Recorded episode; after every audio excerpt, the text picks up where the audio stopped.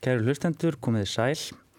Árið 1918 tóku Íslandingar við stjórnatöfum landsins af dönum í öllum helstu megin dráttum á stofnuðu fullvalda Íslands ríki. Í þessari þáttaröð á öll ljósvakans verður hort yfir þá tíu áratugi sem liðnir eru frá fullveldstökunni í ljósi fréttaflutnings á þessum tíma. Þáttaröðin hefst næst okkur í tíma og henni líkur á fyrsta áratug fullveldis aldarinnar. Hugað verður jæmt að innlendum sem erlendum fréttum sem varpa geta ljósa á hvern og einn áratug þessar viðböruríku aldar 1918 til 2018. Við leitum fanga í safni Ríkisútarsins eins langt aftur og hægt er en eftir því sem aftadrefur í sögunni verður leitað eftir efni í íslenskum prentmiðlum og erlendum ljósvakamiðlum. Þó ljósvakamiðlar, útvarp, sjónvarp og síðar stafrænir miðlar hafið seint hafið innreðsinn á Íslandi þá hafið þessu sannlega sett marksitt á fjölmiðlun undarfærna 100 ára til að mynda hóf Breska ríkisútvarpi BBC útsendingar árið 1922 aðeins fjórum árum eftir fullveldistofnununa.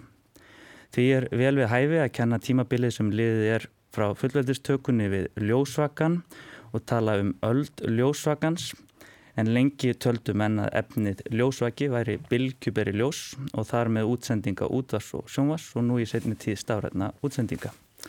En að málum málana Gestir mínir í dag eru þau Bergur Ebbi, Björn Malmqvist, Fríða Björg Yngvarsdóttir og Þóra Arnósdóttir. Ég fengi þau til liðsfimi til að greina meginströyma í frettaflutningi undanfærna tíu ára, árana 2008 til 2018. Verið velkomin. Takk fyrir það. Takk, takk. Má ég byggja ykkur um að segja öllu til deili á ykkur og, og frá því kannski hvernig frettir og frettaflutningur undanfærna tíu ára horfa við ykkur í dag, Þóra? E síðasti áratugur í fréttum hefur náttúrulega að miklu leiti snúist um eftirmál hrunsins bæði hérlandis og erlandis myndi ég segja. E, því hefur fyllt náttúrulega mikill pólitískur óstöðuleiki ímis e, konar óreiða. Þetta kerfi sem við heldum að væri komið til þess að vera eins og öll önnur kerfi að þá kannski svona eru stóðunar orðnar að einhver leiti fisknar, það er breytast eh, og sem að tengist svo aftur þessi pólitíski óstöðuleiki og, og, og flóttamannavandin og annað tengist svo öðru stóru máli sem að smátt og smátt hefur uh, má segja orðið miðlegt í allir umræðu sem eru loftasmálinn sem að hérna menn svona höfðu kannski ekkert mjög lifandi og almennan áhuga á fyrir en bara þessum síðasta ártug. Við erum langt komið með að eðilegja lífkerfi plánutunar og, og útrýma mjög mörgum þeim tegundum sem við deilum henni með og þetta eru held ég svona stóru frettamál síðasta áratugar sem að þetta er svona það sem mér kemur fyrst í hug. Akkurat. Þetta er einmitt málinn sem við ætlum að fjalla um mm -hmm. svona sérstaklega í þættinum uh, en svona kannski þín svona Já, ég byrði svona rétt að segja deili á þér fyrir þá sem að kannski kveiki ekki alveg. Ég uh, starfa núna sem rítstjóri kveiks fréttaskynninga þáttar hér á Rúf. Ég hef verið hér í 20 ár. Ég fagnaði í oktober, ég byrjaði hérna í, í, í stægumalútorpinu hérna þá á Rástvö í oktober 1998. Reyndar mellíum fyrir framhálsnámælendis og ég fór í, ég kallaði að fara í vist á stöð 2 í, í 2 ár og og svona ímislegt og farið hérna utan til þess að bæta við mig allskynstekningu en þetta hefur verið meir og minna mín starfstöð síðustu 20 árin. Fríða Björg. Já, ef ég segi fyrst eila á mér þá starfa ég núna sem rektor listaháskólans og uh, en fyrir þann tíma, fyrir þá tíð uh, og á sagt, fyrsta áratug þessar aldar þá starfa ég sem bladamæður og leiðarhöfundur og menningarriðstjóri morgunblansins En ég syns að hvarf úr bladamannastjætt í kjálfarhunsins og hef svona verið utanakomandi, bara áhorfandi, hefbundi neytandi frétta á Íslandi síðan þá. Og það er kannski bara þess vegna sem að mér finnst sko gaman að horfa til þessara síðasta áratugar frá þegar ég til dæmis hægt að vera bladamæða sjálf. En er mikill fréttafíkil að þetta er náttúrulega áratugur nignunar hefbundina prentmiðla sem að mér finnst ennkjana áratugin mjög mikið í öllum fréttaflutningi. Og það eru mikla breytingar sem hafa orðið á vægi hefðbundina fréttatíma til dæmis bara í útvarp og sjómarfi og þetta er alveg gríðarlega mikil viðbreyð frá því sem áður var.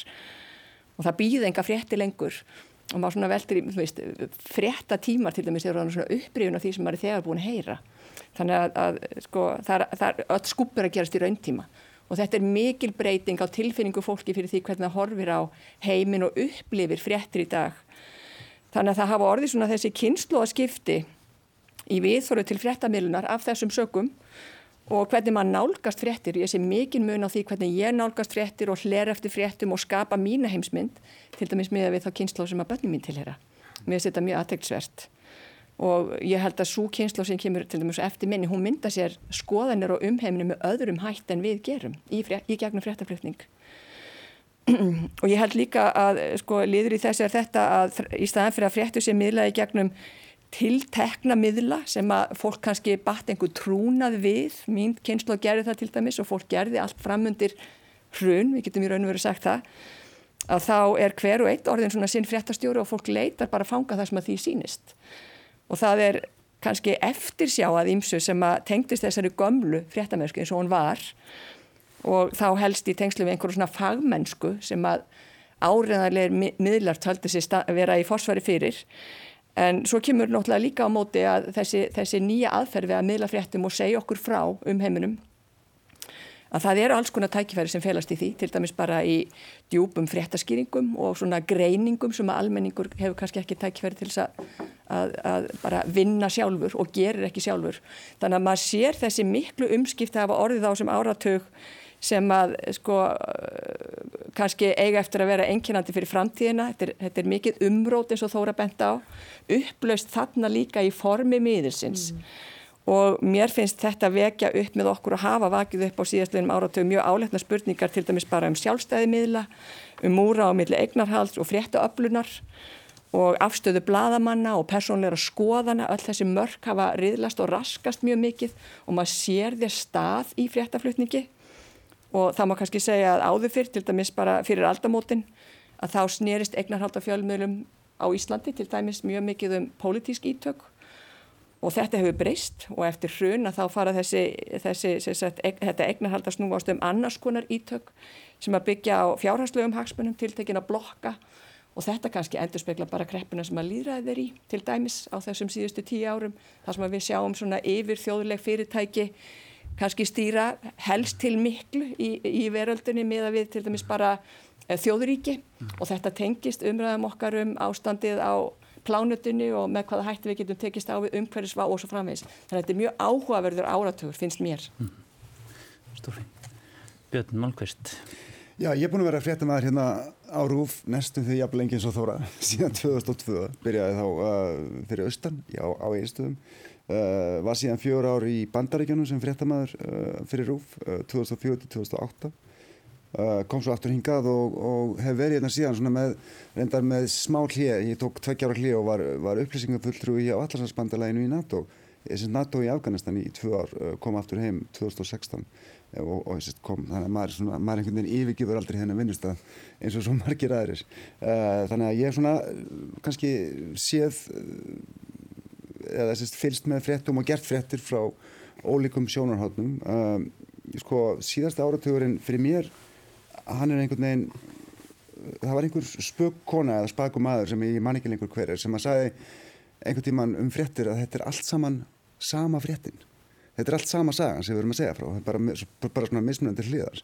Og það tengist, ég minna, þú veist, Þóra talaði um lofslagsmálinn og, og, og hérna Fríða talaði um þessa þessa eh, svona sókna líðræðinu sem við höfum séð á undarförnum árum sem að tengist líka hruninu og afleiðingum þess og svona eh, hvernig þetta kerfi, þetta heimskerfi sem að varða einhvern veginn til í, í kjölfarsetni heimstyrleitarinnar hefur svolítið verið að riðlast og, og, og það eru áhrifamikli stjórnmálumenn sem að riðlast á því uh, og svona sækja að því. Og það sem að mér finnst vera kannski áhugaverðast að Eh, hliðin á þessu á undanförnum árum er þessi eh, þessi sókn að líðræðinu sem að maður sér mjög við að bæði Vestanhals og líka í Evrópu og viðar uh, Rúslandi, Filipsheim mjög viða sem við sjáum uppgang svona sterkra pólitískra karaktera sem að, sem að bera litla virðingu fyrir líðræðinu, fyrir líðræðislegum stopnunum, fyrir stopnunum sem að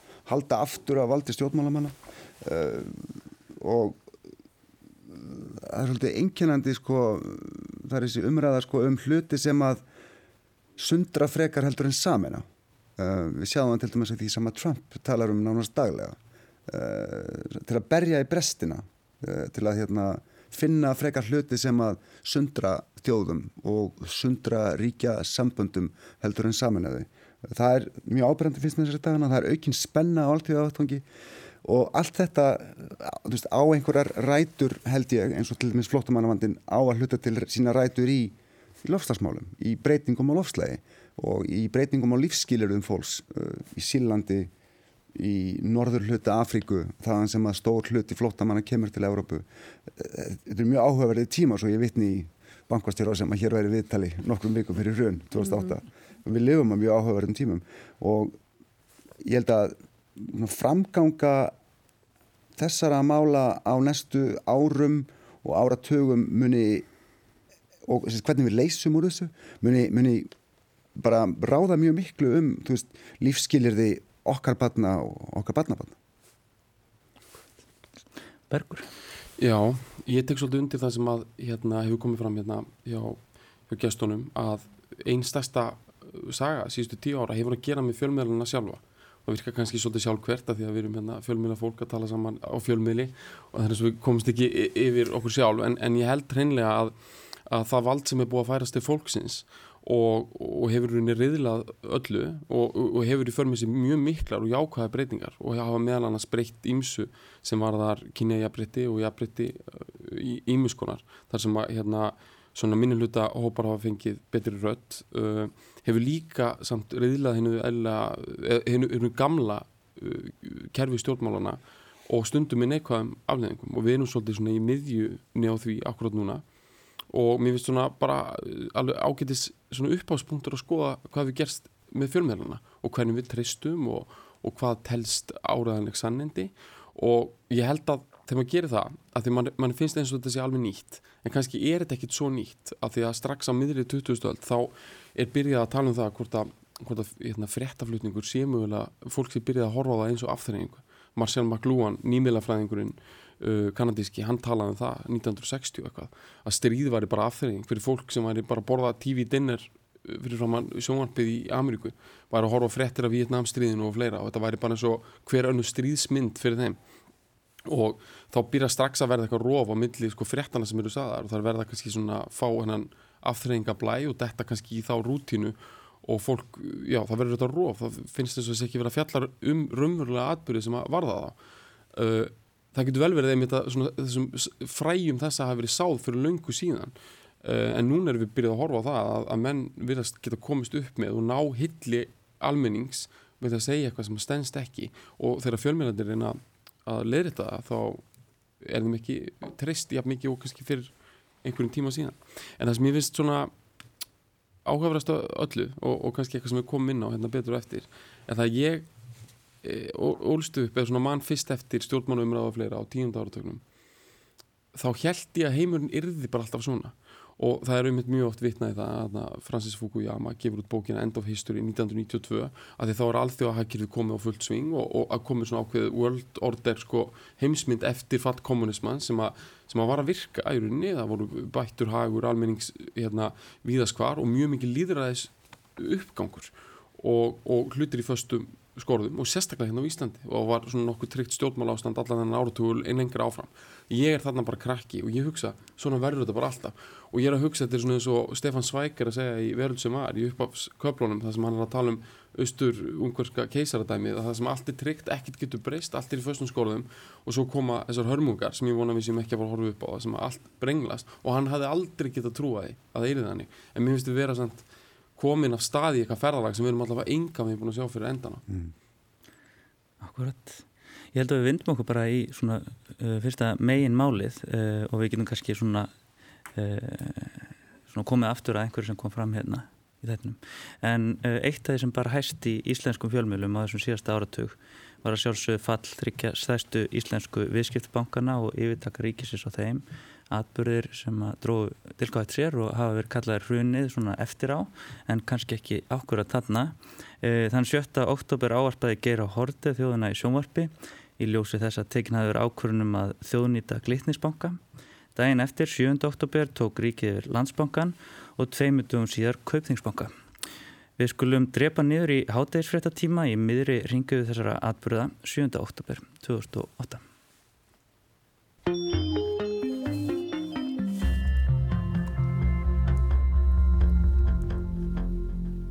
Ríkið hefur tekið yfir stjórn landsbankans. Samson, félag í eigu Björgólfsfeðga, stæsti eigandi landsbankans, hefur óskað eftir greiðslustöðun.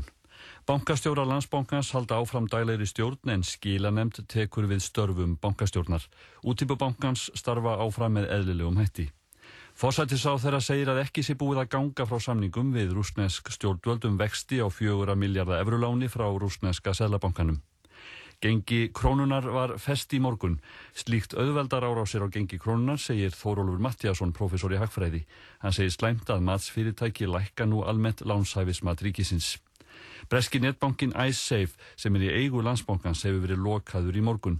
Ábyrðir íslenskra stjórnvalda vegna iSafe gætu nu með rúmlega 500 miljardum króna.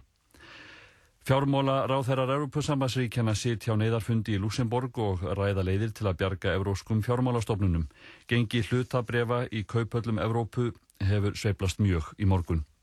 Þrýstingur ekst frá útgerðamönnum um að þosskvótin verði aukinn til að skapa auknar gældiristekjur fyrir þjóðarbúið. Frankvæmda stjóri hraðfristi húsins í Nýfstall segir að ekki sé hægt að auka kvótan án þess að vísindamenn hafransóknastofnunarinnar séu með í ráðum. Formaður samtaka stafsmanna fjármálafyrirtækja óttast frekari uppsagnir bankastafsmanna og segir hræðilegt til þess að hugsa að almennir bankastafsmenn sem fjárfestu í hlutabrifum bankana tapi nú spari fyrir sínu. Veður horfur á landinu til klukkan 18 á morgun, það er búist í austanátt, viða allt kvassi eða kvassi. Hérna fáum við svona ágætist þverskurð alveg bara innan úr hruninu og mér varst eiginlega áhugavert að hafa líka þessar svona aðeins veigaminni fréttir sem enginn mann eftir með þorskveiði eða útgerðamenn svona leggja til að það sé kannski hægt að bjarga einhverju með því að veiða meiri þorsk og, og bankastarfsmenn að tapa spartnaðinu sem margir aðri gerðu. Er einhver sem vil taka bóltan hérna? Maður fær bara gæsa og það er að.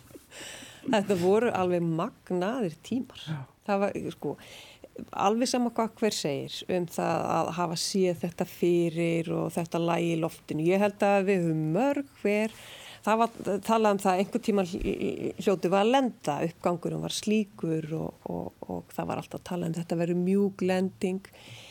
Það sá þetta enginn fyrir.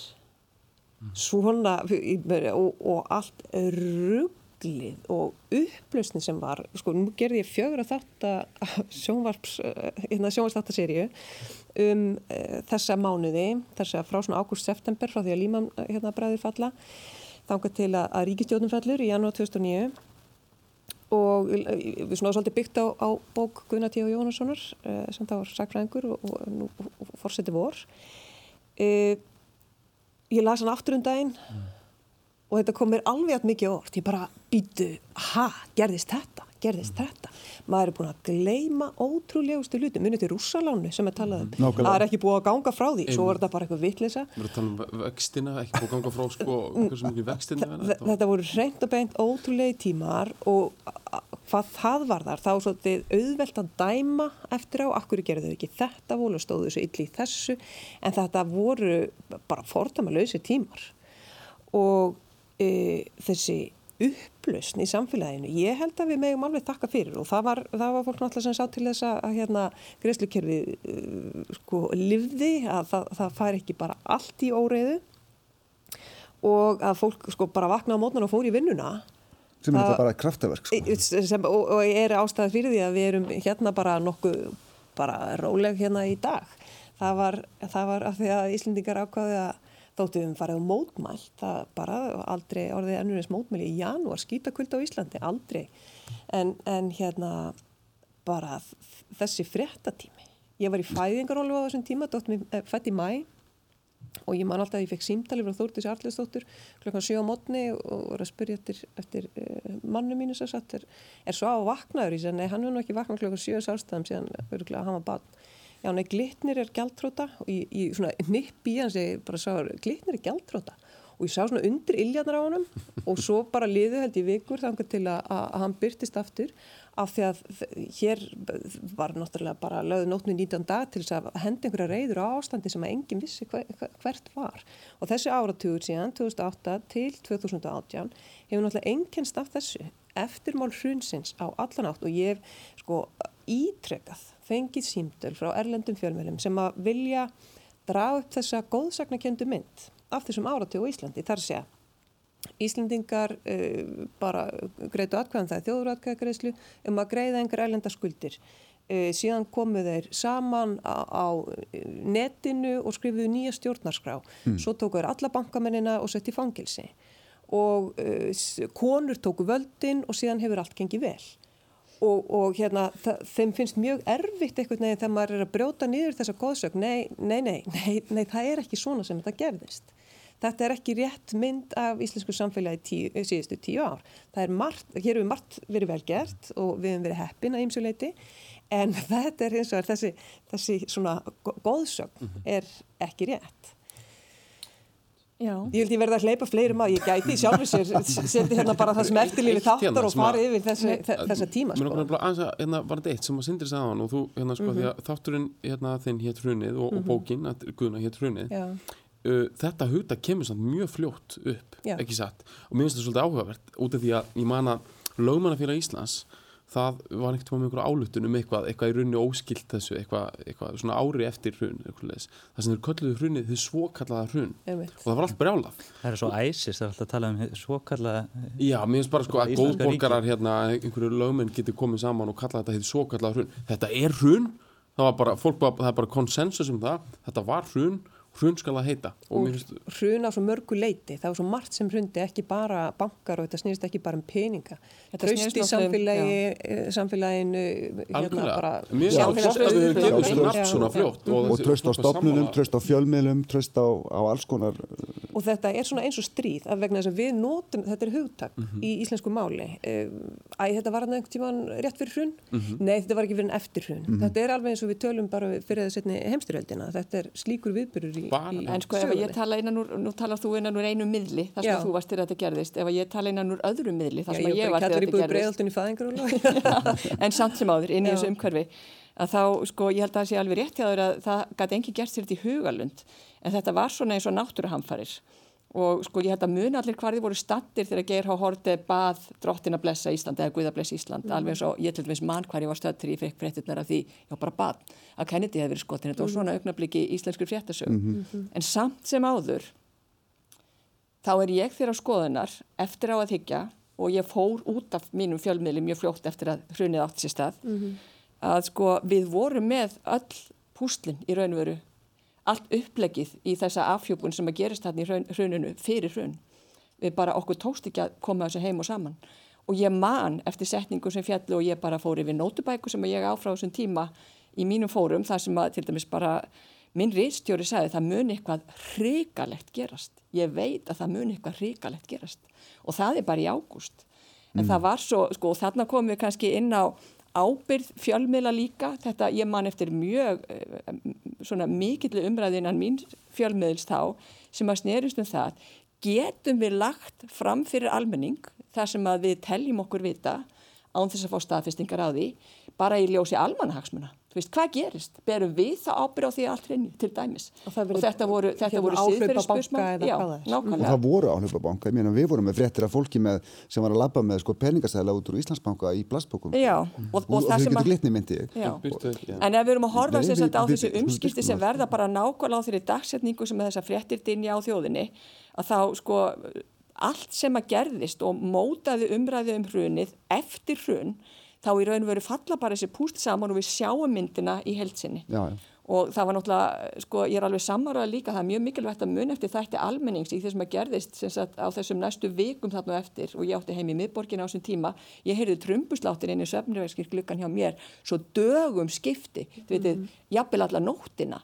Og það sem að, sko, mér fannst áhugavert var að það yrði ekki, sko, meiri upplaup og við vorum til dæmis alveg viðbúin því að það er jæfnvel bara slagsmál við því við þið hraðbanka og svona. Mm -hmm. fólk held rósinni eins og það gerir þegar bara stríðrýður yfir eða, eða mikið liggur við. Þetta var svona eins og þegar að sko flóðin urðu í þegar fellibiðurinn reyði yfir í, í bandaríkanum mm -hmm. að það voru einhverju kannski sem fór á kreik en þetta, þetta voru hamfarir.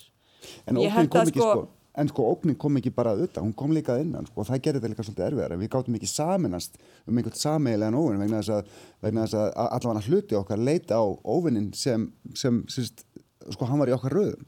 Það voru bankamennir eða, eða hvað mann á kalla á skilja. þetta voru ekki bara einhverjir, einhverjir, einhverjir utanakomandi óg. Það var það sem að tók frá okkur sjálfströstið og það var líka það sem að svolítið svifta okkur þessu yfirlæti sem að hafi kannski svolítið enkent íslenskt viðskiptarlíf fram að þessu augnabliki. Og bara allt íslenskt menningarlíf heldur. Já, já einhvern svona, einhvern svona umræðu kultúr í það minnsta já.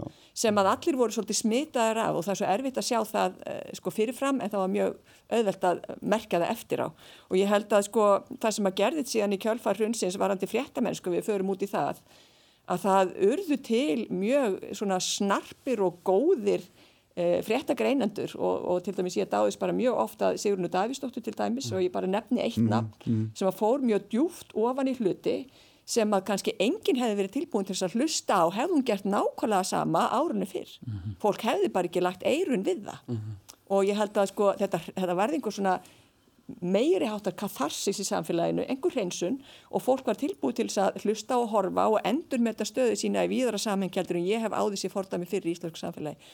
Og það var í raun og veru aldrei jákvægt afla á endanum. Ég kom staði fyrir stutu að sko Íslendingar eru allir frekar svona versaðar í hagfræði. Bara alveg sko frá þeir eru krakkar af því það er svo miklu meiri umræð um hagfræði Þeir eru allavega allir með pungapróf. Já, ég myndi segja það, því ég komst að því að maður er að tala við sko útlendinga sko. Mm. það er bara eitthvað að maður viti eitthvað um eitthvað indexed eitthvað inflation og eitthvað dót sko, þetta er eitthvað sem maður er ekkit á í huga fólks í öðrum löndum en þetta er bara eitthvað sem við vorum að hlusta að endarast og pissla um og þurftum að setja okkur inn Nú. Hagfræðingar voru bara það var bara ekki einasti frettíma sem væri hagfræðingu með eitthvað Nú er ég að fá að spyrja hvað index inflation er. Er það ekki, hérna, vísitölu, hérna... Verðtrygging. Já, verðtrygging. Sko. Verðtrygg húsnæðislan. Já, þau vart með vísitölu tengingu. Þetta er náttúrulega líka bara þekkist ekki á öllum löndum. það er bara... Já, þeir eru sko henni nýju prestar í kjöldarhúsins. Við, við hlustuðum á Gilva Magnússon og Þóról og alla þess að göra. Og svo er svolítið merkilegt núna að því að vanandi eitt sem hefur alveg oft verið minnst á, en ég er náttúrulega, hérna, og hann síðan kemur setna og kemur með mjög áhugaverð innleg þegar kemur upp svona mjög erfið krísa út af gagnarleikum sem leiða til stjórnakreppu og svo framins árið sem hafa kjörnum fórseti e, það er rosalega svona gamalt narratív sko, í stjórnmálum sko, að sagt, sá sem getur greitt úr óreðinni hann sko hann aðlast völd sko, hann aðlast tröst mm.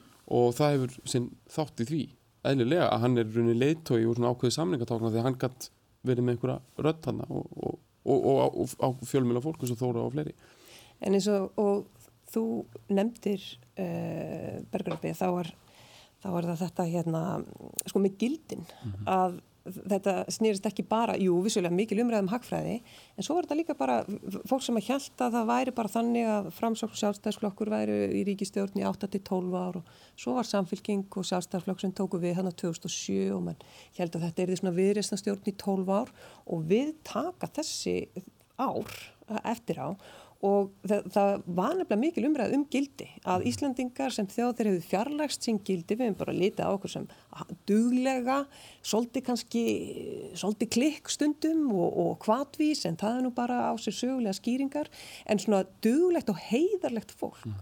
að við hefum fjarlægst þessi gildi og nú var ég bara komið, sko græðkinn tók völdin, öfund og, og svo framvegis að við þurfum bara að mjaka okkur aftur á þessa braut einmitt til þess að, já, rétta kursin mm -hmm. til þess að öðlast þetta sjálfstöðst aftur vegna þess að Íslandingar hafa ferðast um heiminn e, vegna þess að við hefum ekki átt í, í, í miklum útistöðunum á þorskastriði sem við erum mjög stolt af mm -hmm. e, og, og það er svo langt síðan vikingar herjuða á aðra þjóðir að, að hérna, það er það, það særir engan lengur að uh, vera allt í unnu á ferðalagi og vera rakirtur fyrir það að vera Íslendingur út af æsef til dæmis.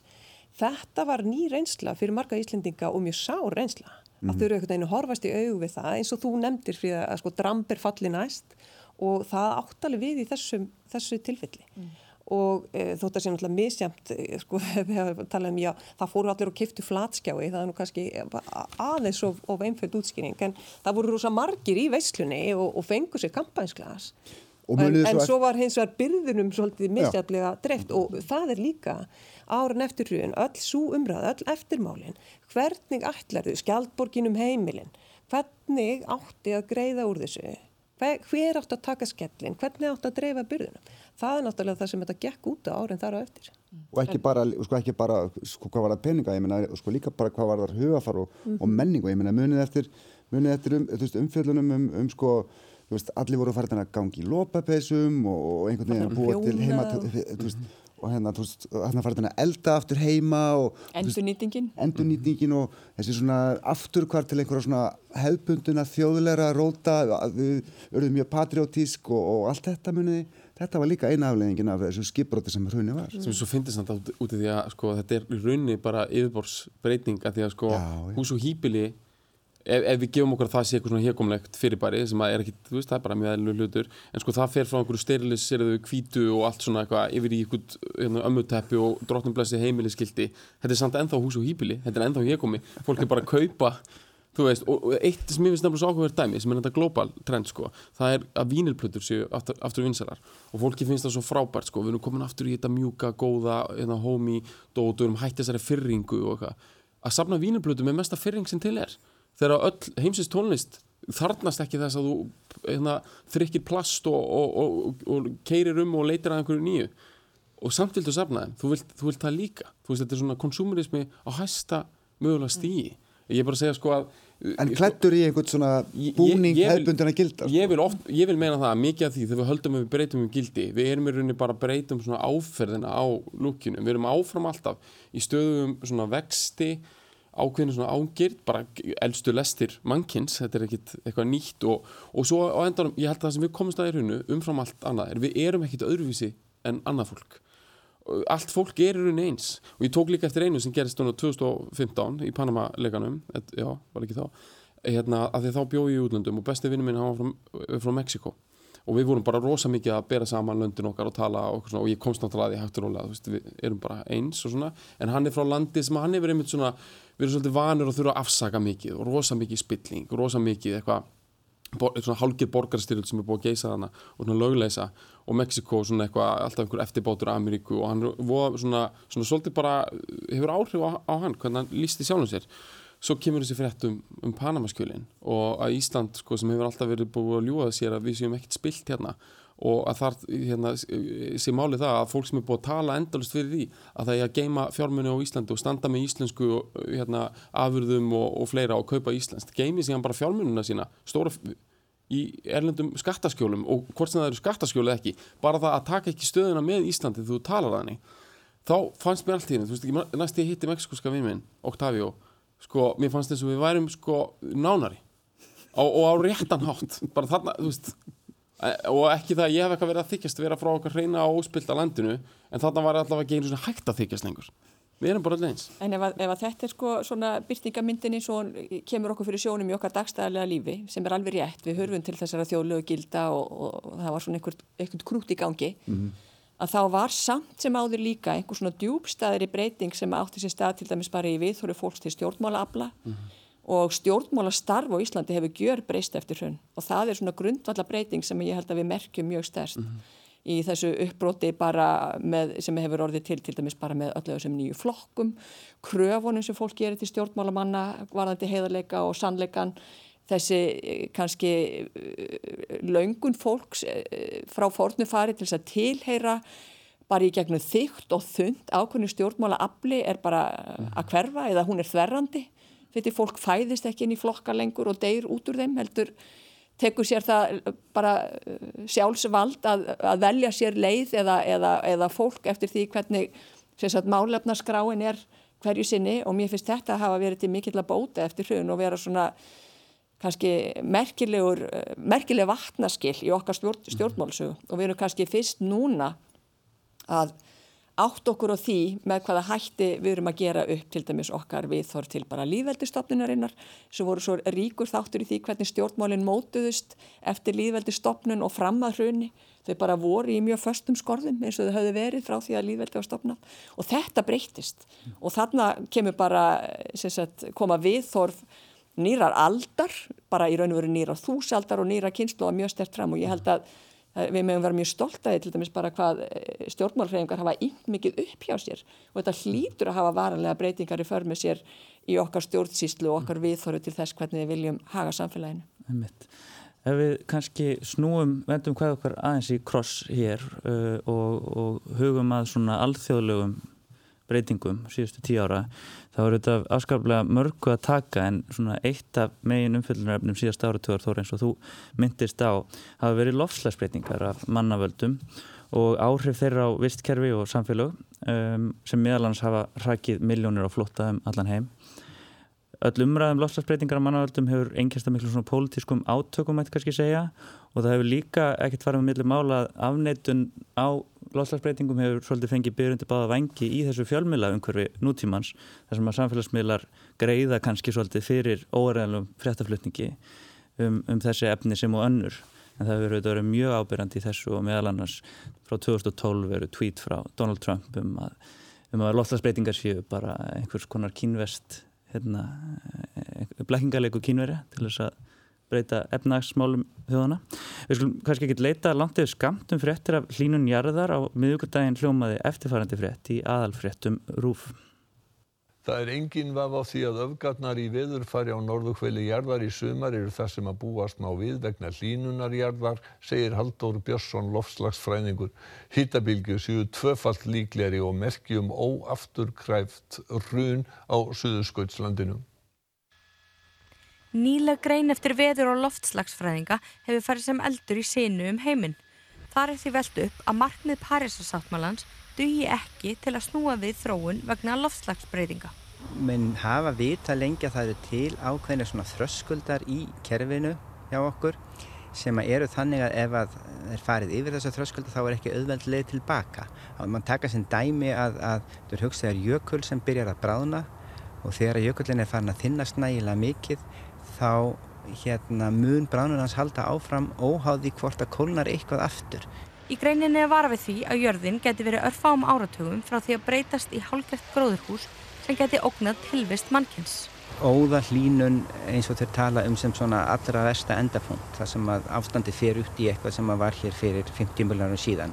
Það myndi náttúrulega gjör breyta svo algjörlega öllum lífskeilurum á jörðinni. Það er eh, algjörlega tilgangslöst finnst mér að velta vöngum yfir hvort það ógni tilvist okkar eða, eða hverra en það myndi ógna, ógna lífríkinu mjög mikið því það er einfallega mjög miklar hamfarir sem myndi þá ganga nokkur hrætt yfir. Hann segir þegar merki um að við séum farin yfir einna þessum þröskuldum á Suðursköldslandinu. Hlutar þess eru mjög viðkvæmir fyrir sjáarstöðuhækkun og hlínun en hlýr sjór kemst nú að ísnum við botnin. Haldur segir mjög líklegt að þar sé hafið óafturkræft hrun sjór sé farin að flæða inn þar sem jökullin dýfkar inn til landsins. Og þá mun þetta á þó nokkur lengum tíma, hér erum við að tala um 100-200 ár, mun þetta leiða til sjáarstöðuhækkunar sem að vera mælt í metrum.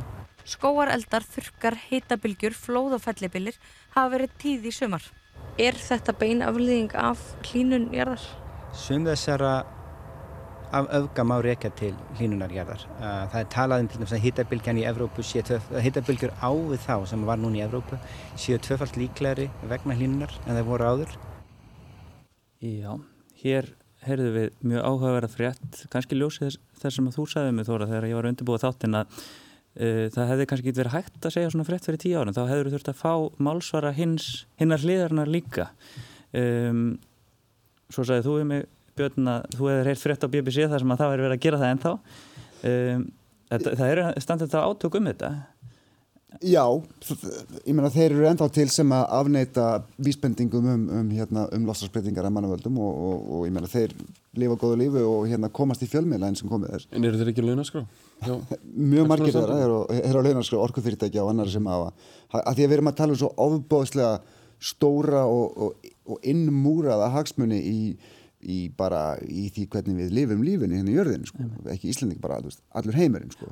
Og ég menna þetta eru kannski stærstu hagsmunum sem við umræðir og, og hérna og, og það sem að þeir sem að vara við afleðingum þess hvernig við lifum þeir kalla á breytingar af því líkri stærðargráðu að það er nánast bara ómögulegt að ímynda sér það. Ég menna við erum að tala um að það þurfi að, að, að minka að verulegu leiti notkun á, á hérna jarðeflæðinsleiti minka bílanótkun, minka nótkun á, á orku í, í alls konar hluti sem að gera okkur kleift að lifa því lífi sem við, við, við, við lifum. -hmm. Svo, svo, hérna, svo koma þróunulöndin og segja fyrir ekki allir því að fara að banna okkur að, veist, egnast bíla og, og ískapa og fristiskistur og, þú veist, millistjættin á Índlandi og í Kína og allt að skiljiði. Mm -hmm. Þannig að þetta er svo, þetta er svo ábúrslega stórt og snúið mál mm -hmm. og það sem hefur verið að kalla eftir er svo rosalega stór breyting á öllu að það er náttúrulega eðlilega tekur það, það tekur mikinn tíma og það mætir gríðarlega mikillir anstöðu en, en sko ég menna, þú veist, bara,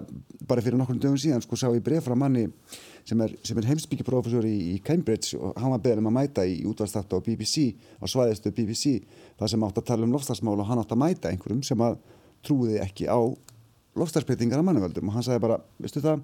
Nei, þessi tíma er einlega liðin ég nenn ekki að tala lengur við fólk sem að trúir ekki á, á lofslagsbreytingar af mannuvöldum það er eins og að ræða um sko það að síkaretur valdi ekki í sko lúnakrabbarminni veist, sem að var endar, sem að týrkaðist fyrir einhverjum 40 árum síðan Já, þetta, mér fannst þetta að vera, ég heyrði þessi frétt ekki í vikunni og þetta er hamfara frétt, þetta er svona Guðbless Ísland frétt. Það er beinist talað um hrun. Já, og, og mér finnst það líka aðeinsvægt að tala um sko mjög langan tíma, 100-200 ár, það er mjög stuttur tími, það er sko mm -hmm. líftími minna langamubarna til dæmis, mm -hmm. ef við bara setjum það svona eitthvað persónlegt samhengi. En hérna, eitt af því sem að, sko, hefur verið svolítið rætt innan minnastofnunar, listaháskólas, uh, í tengslu við uh, þessa vá og við verðum mjög mikið vör við í svona fræðarsamfélaginu þar sem við erum að ræða þessa vá, bæði í tengslum við sko öðlindafræði og, og líka bara listur og menningu, er bara geta almennings til þess að taka við svona hamfærafréttum. Mm -hmm. Þú veitir, ef að, ef að hérna, einhver lýsir við stríði í þinn garð, hvað gerir þú sem einstaklingur? og þegar þú færð svona fréttir þá er mjög hægt við því að fólk bara einhvern veginn leggja árar í bát og hugsa með sér þú veist það skiptir einhver máli hvað ég gerir það breytir ekki heiminum mm -hmm. það sem breytir þessari stöðu er það hvort að millistjættin í Indlandi eða Kína eins og þú segir Björn kaupir sér bíl eða ekki og mér var svolítið aðtilsvært að heyra erindi uh, heimsbyggingsins Timothy Morton sem kom hérna til lands fyrir ekki svo löngu síðan sem að talaði um og hefur verið mjög ötul talsmaður þess að við reynum að gera eitthvað í loftasmálum eins og eins og, eins og þau blasa við okkur í dag. Og hann sko vildi meina að við þýrtum svolítið bara að fara að hugsa inn á við. Og við þýrtum að, að sko takast á við hennan óta og komast fram hjá þessum óta og raunverulega fara að gera eitthvað. Og sem sagt að, að sko við mættum ekki einhvern veginn setja þessi mál fram með þeim hætti að fólk væri ofrætt til þess að takast á við eða, því finnist að standa fram í fyrir ofurefli. Mm -hmm. Við erum hver og einn, við erum einhvern veginn að ræðum þetta á þeim, þeim grundvellega hver og einn ætti möguleika á því að gera eitthvað sem skiptir máli sem gæti snúið þessari þróun við. Og ég held að sko í raun og veru má kannski segja að það er fréttir sem við höfum verið að horfa til og sjá á þessum síðasta áratug í umhverfismálum. Það eru pínlítið eins og púslinn sem við fengum í hendurnar á áratögnum á undan í aðdraganda hrunsins. Okkur, við fáum þetta bara í svona litlum skömmtum, svona smá skömmtum, en við sjáum aldrei heldamyndina. Kanski þessari frétt sem var, sem þú varst að spila, því að þetta er náttúrulega mjög sterk mynd sem að vera að gefa þarna. En kannski líka þegar fólk langar ekki að sjá heldamynd. Mm. Já, Nefn. nákvæmlega. Og það er líka erfitt að segja frá henni að því hún er svo stór. Sko. Já, hún varðar alla. Þegar við vorum að tala um sko hvernig fjölmiðlar hafa breyst og það sé kannski einstasta frétt sístu tíu ára. Ég held að það spilir mjög mikið inn í hér fólk getur valið sér frettir í dag. Og það er ekki lengur bara þetta er á dagskrá þetta er það sem allir er að vita núna. Ef við myndum til og með spera þessa vá núna saman við kjarnurkuvána sem var uh, í tímu kaldastriðsins þá var það bara á dagskrá og, og eitthvað sem reyndar fólk var nú svona, svona, svona hálf uh, gæti kannski ekki gert mjög mikið í en það var allavega mjög svona fólk gæti ekki kosið það að fá ekki frettir af því. Í dag er það bara þannig að fólk fer bara í, í og velur þær frettir sem það innbyrðir. Og við sjáum á mest lesið fréttum. Að þær varða bara lita á einhvern kjólum og, og hver saði eitthvað með einhvern einhver staðar, hver mókaði einhvern á netinu? Eitthvað, skilur við bara eitthvað sem einhver fróða Já. og maður ser það bara svart og hvítu. Og það er líka það sem raðast efst í okkar lista að því við fáum síðan frekari fréttir. Ef eitthvað er þá er sko, ég, ég er orðin svolítið þannig. Ég þór ekki lengur að klikka á eitthvað að því þá veit ég að þá mun ég fá það aftur mm. inn á, þannig að ég veit að ef ég bara dett núna á tvær, þrjár hamfarafréttir í röð þá verði það bara næstum vikur hjá mér. Ekkert um að hann fara fréttir að koma inn og ég er bara svo góð við sjálfa mig og ég er bara, nei, ég ætla skiljiði, þú veist ég, ég Þá kemur algoritminn og dælir þessu yfir Ég byrjar að hugsa þetta þannig að ég, ég veit ekki hvort ég ná að útskýra þetta ég held samt að þetta sé ekkit sko, maður horfur á bíómyndur í dag þá er maður oft byrjað að skoða hérna gaggrinni um myndirnar áður hvort það sé þess virðið að horfa á hana núna er það komið á það stig að því að öll gaggrinni er líka metin hvort hún er jákvæða neikvæð.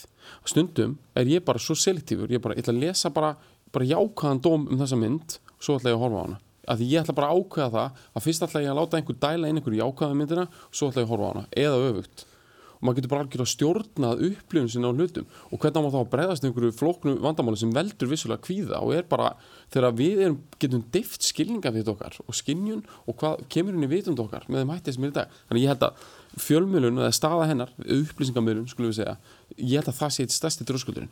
Mm -hmm. Þetta er líka bara, sko, þetta tengist líka svona óbeint sko, þessari, þessari svona aukinni vantrú á, á autoritetti, mm. aukinni vantrú á sérfræðiþekkingu, aukinni vantrú á, á svona viðteknum sannindum, mm -hmm. ég meina þú veist allt þetta með post-truth og, mm -hmm. og fake news og allt þetta skiljið, ég meina þeir, þú, veist, þú veist þeir sem að hafna sko lofstafsbreytingum á mannavöldum vísa mjög gerðnan í sko, þetta séu þú veist gerfi vísindamenn, þetta séu falska fréttir, þetta séu veist, þeir séu á mála hjá einhvernum sem hafa hagsmunni á einhverju skiljið, þannig að, að Það sko, það er líka partur af þessu að, að hérna, afneita, afneita hérna, lofslagsbreytingum á mannaveldum á þessum fórsendum? Hérna, ég, ég held að það sé alveg rétt og ég er svo mikið velti fyrir mér af hverju fólk er að vantreysta vísindum svona mikið og það hafa eflust einhverjur vitar en ég skrifa mikið um þetta þetta er út af því að saga 20. aldar hún er svo mikið saga þess að vísindi hafa fært fólki svo mikla þjáningar í gegnum tíðina. Það eru í krafti vísinda sem alls konar fordómar og, og hræðilegi hlutir hafa verið gerðir og fasismi hefur verið trómaður upp að það er eins og fólk sé í dag bara að byrja höfu við mögulegan á því að bara að fara eftir einhverju væpi, einhverju tilfinningu og eitthvað. Það er eins og það sé fyrsta sem að manninskur vilja að gera þegar það er fá valdið en ekki að stökka á, á vísindin sem að hafa í rauninni dóminar að og verið authoritative í lífi okkar í nokkur hundru ár en sérstaklega á 2000 mm -hmm.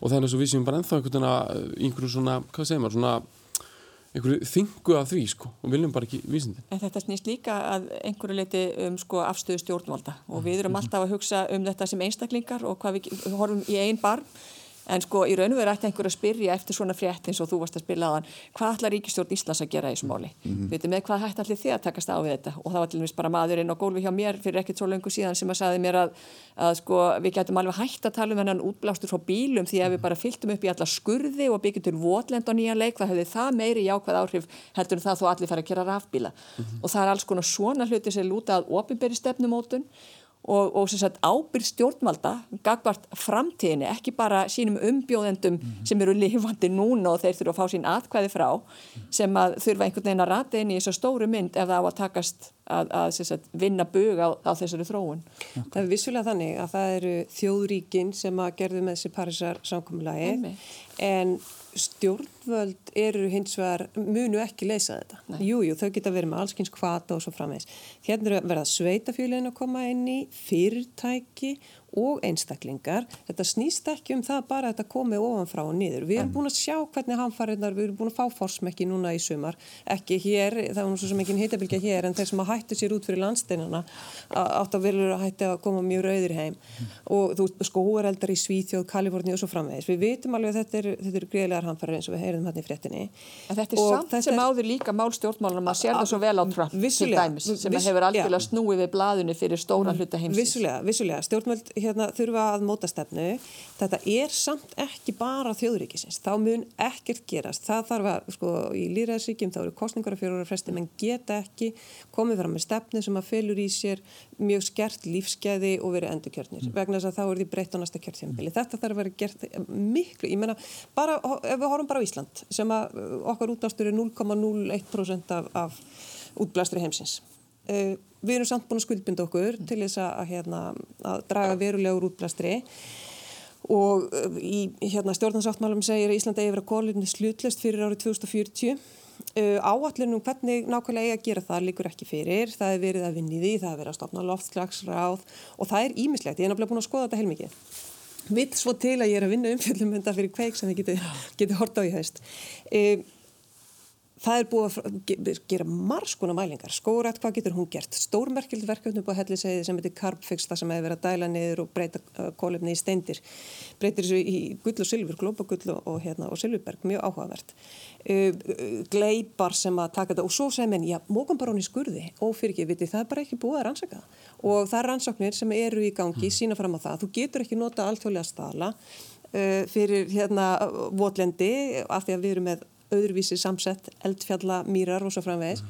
og það er bara ekki búið að rannsaka það og þá ætla minna að rjúkast það núna 2018 þegar það hefði átt að vera búið að rannsaka það verið 20 árum síðan, mm. hvaða áhrif þetta hefur kolumnins losun og bindingu að það er ekki hægt að fara af stað núna vegna þess að, þú veist, við ætlum að planta skói ég að það tekur ára tíu ræktan þú þarfst að ákveða hvernig þú ætlar að mhm.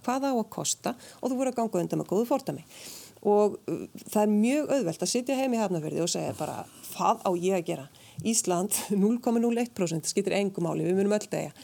Það er nefnilega kunstinn, talandum fréttinnar, hvernig við erum að koma þessu framfæri? Jú, við verðum að sína fram á það. Hvaða áhrif þetta hefur? Við erum að drepa plánunduna, það er bara, ég held að það var ekkert meðli mála. Ég man nú ekki hversu margar dýrategundir degi út á, á hverju ári.